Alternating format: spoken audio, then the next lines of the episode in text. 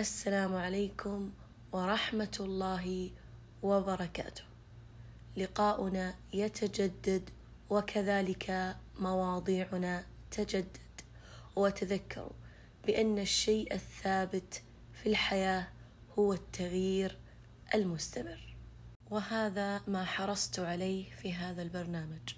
وقبل أن نستأنف لا تنسونا من دعمكم والتقييم والتعليق حتى يتسنى لنا الاستمرار بإذن الله.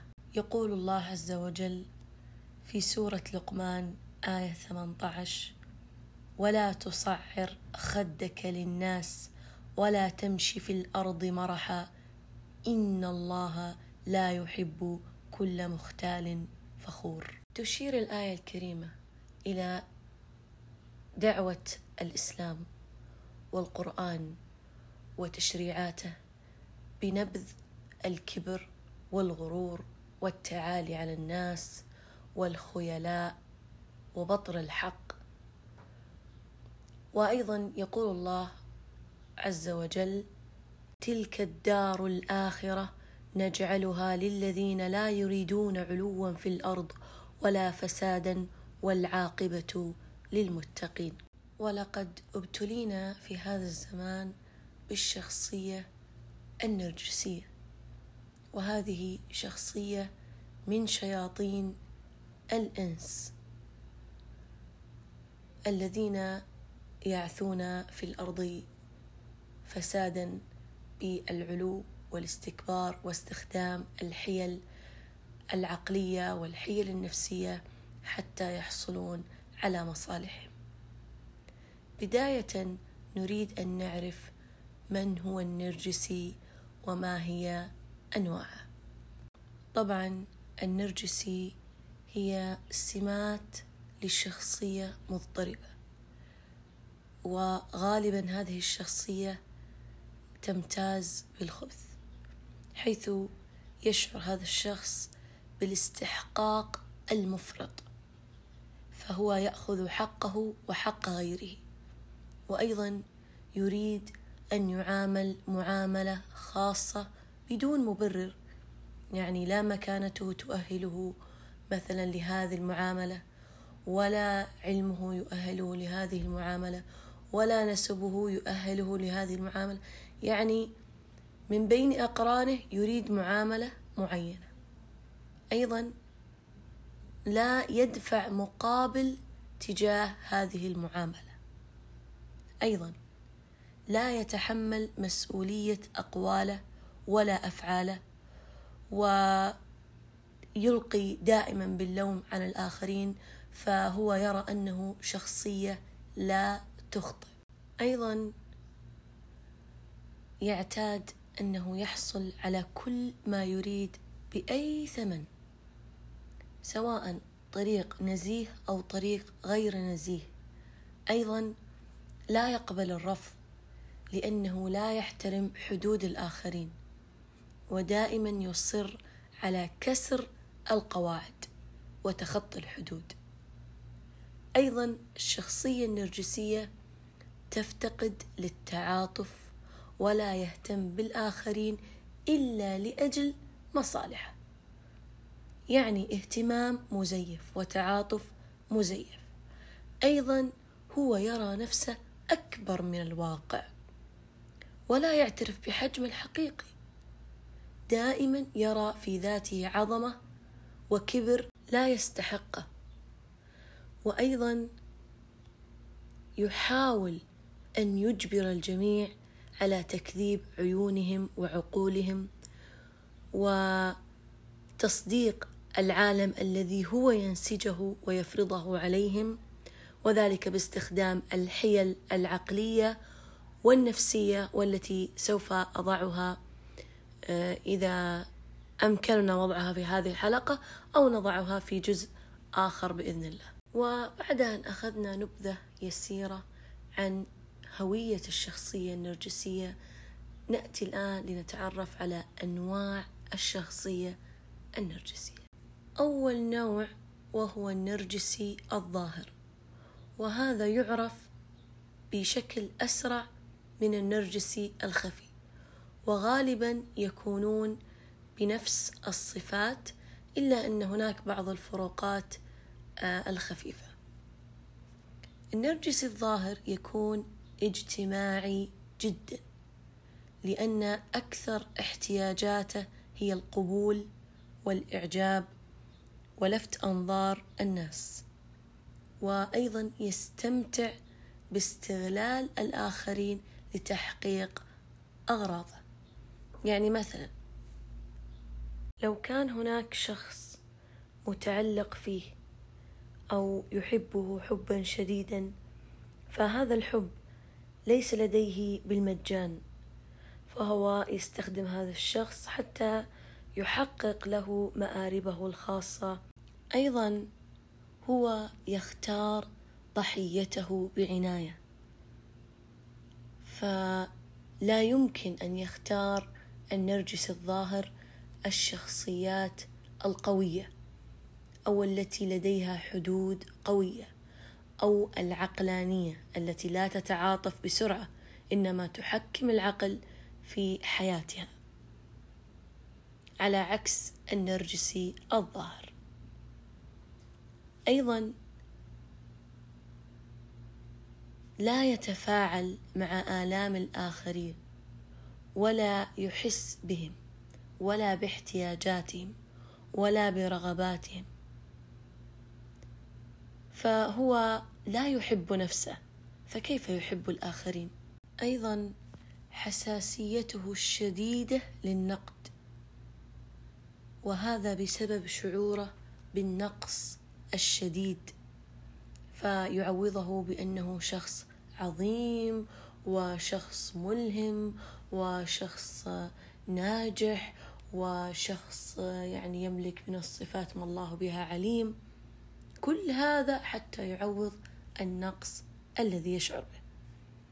أيضا أي انتقاد حتى لو كان هذا الانتقاد بناء حتى لو كان هذا الانتقاد يهم مصلحة مثلا العمل الجماعي أو مصلحة الشركة أو مصلحة التعليم أو أو مصلحة الدرس أيا كان. فهو يثير غضبه ويخاصم لفترات طويلة حتى يشبع إحساس العظمة الذي بداخله بالاعتذار وأيضا يجبر الشخص أن يرضخ لطلباته. أيضا يمتاز النرجس الظاهر بالسخرية التنمر التهكم على الآخرين. وعندما يعني تبلغه مثلا بأن هذا الشيء غير مناسب أو لا يصلح يقول يعني أنه كان مزاحا. يعني تنمره وسخريته ليست آه، في حدود المعقول. أكثر من اللازم وفيها بعض من السمية.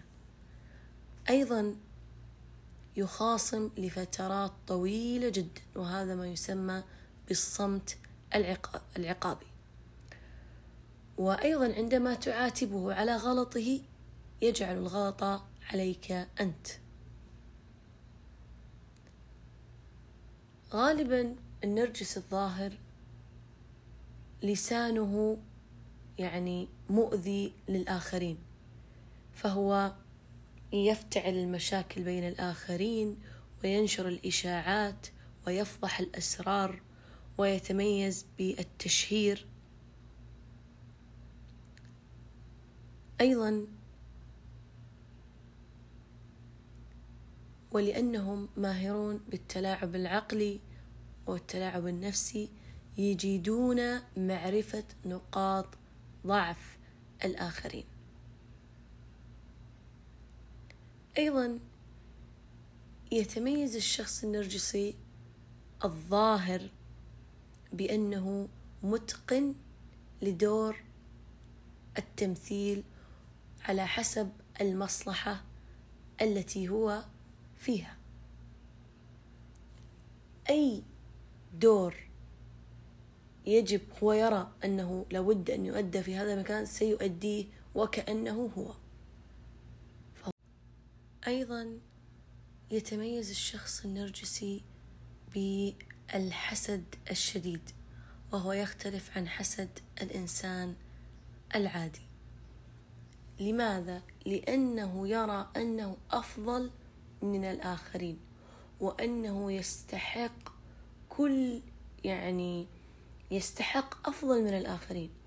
فلما يأتي شخص هو يراه يعني لا يراه شيء ويرى لديه نعمة أفضل مما لديه يعني حسده يصبح يعني عظيم. فهو يريد أن يأخذ هذا الشخص بالنعمة التي لديه. وإن لم يستطع أن يحصل على هذه النعمة فهو آه، يدعي بأنه سبب حصول هذه النعمة لهذا الشخص أو أنه ساعد هذا الشخص وهكذا. أيضا الشخص النرجسي يرى أن الآخرين يحسدونه ويتآمرون عليه وأنه محارب من الجميع وأن الناس يريدون يأخذون منه نعمته. لأن لأنه يظن في الناس ما يظنه في نفسه. وكل يرى الناس بعين طبع. وغالبا شدة حسد النساء النرجسيات أكثر من الرجال النرجسيين. نأتي الآن على النوع الآخر وهو النرجسي الخفي. والذي يختلف عن الظاهر بعدة صفات. على عكس الظاهر فالخفي يتميز بالهدوء عدم العجرفة الظاهرة يتميز بالإحترام لربما قد يتميز بالضعف أو الجبن آه، يتميز بأنه شخص آه، لبق في الكلام كلامه معسول هذا في البداية.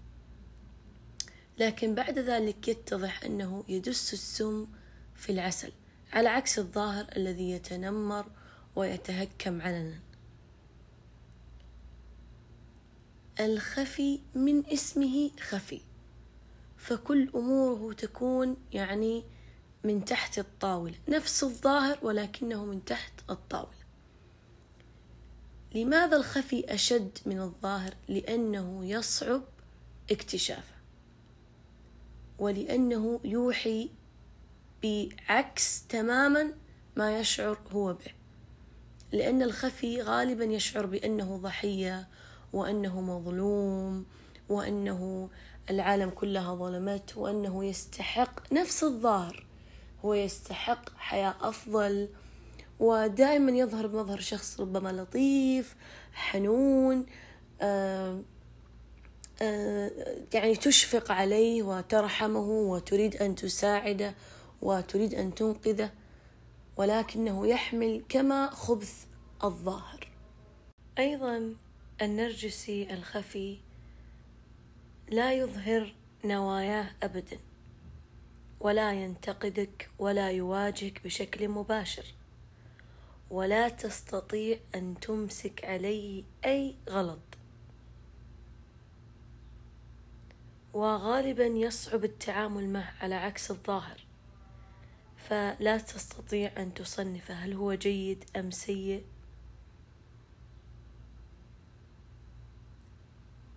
والخفي غالبا أشد ذكاء من الظاهر لأن الظاهر قد يكون منفر.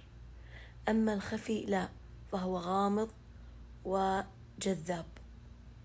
ويعني يفعل أمور متعمدا ويظهر بكأنه غير متعمد. فعلى سبيل المثال النرجس الخفي